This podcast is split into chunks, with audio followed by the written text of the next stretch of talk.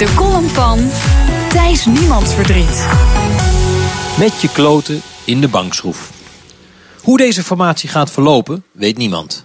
Maar één ding lijkt me duidelijk. D66 komt in het kabinet. Numeriek is het onontkoombaar en ze willen na elf jaar oppositie voeren verschrikkelijk graag.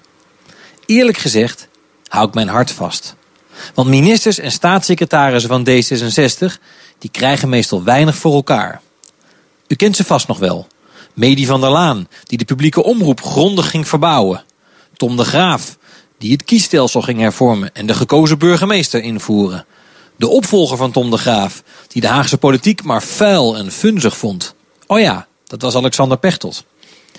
Ook als we verder teruggaan, is de oogst bedroevend. Natuurlijk, je had Els Borst en Hans Weijers. Twee behendige en sympathieke D66'ers in het eerste Paarse kabinet. Maar verder, Winnie Zorgdrager van Justitie, die van de ene affaire naar de andere uitgeleider strompelde. Hajo Apotheker, de minister van Landbouw, die het nog geen jaar volhield. Zelfs D66-godfather Hans van Mierlo speelde weinig klaar. Op het departement van Buitenlandse Zaken werden ze gek van zijn eeuwige gefilosofeer. Waar komt dat D66 gestuntel toch vandaan? Ik denk dat het ligt aan de gretigheid. Ze zijn bij D66 vaak al zo blij dat ze in de regering zijn gekomen dat ze vergeten dat de echte uitdaging het regeren zelf is. Dat was al zo in 1994. Van Mierlo kreeg zijn favoriete paarse kabinet, maar het bracht D66 weinig goeds. Hetzelfde dreigt nu te gebeuren met Alexander Pechtold. Hij hunkert zo naar het ministerschap dat hij er net niet zijn Van Mierlo dekbed voor zou verkopen. Zeker als hij straks zijn droomcoalitie krijgt met GroenLinks.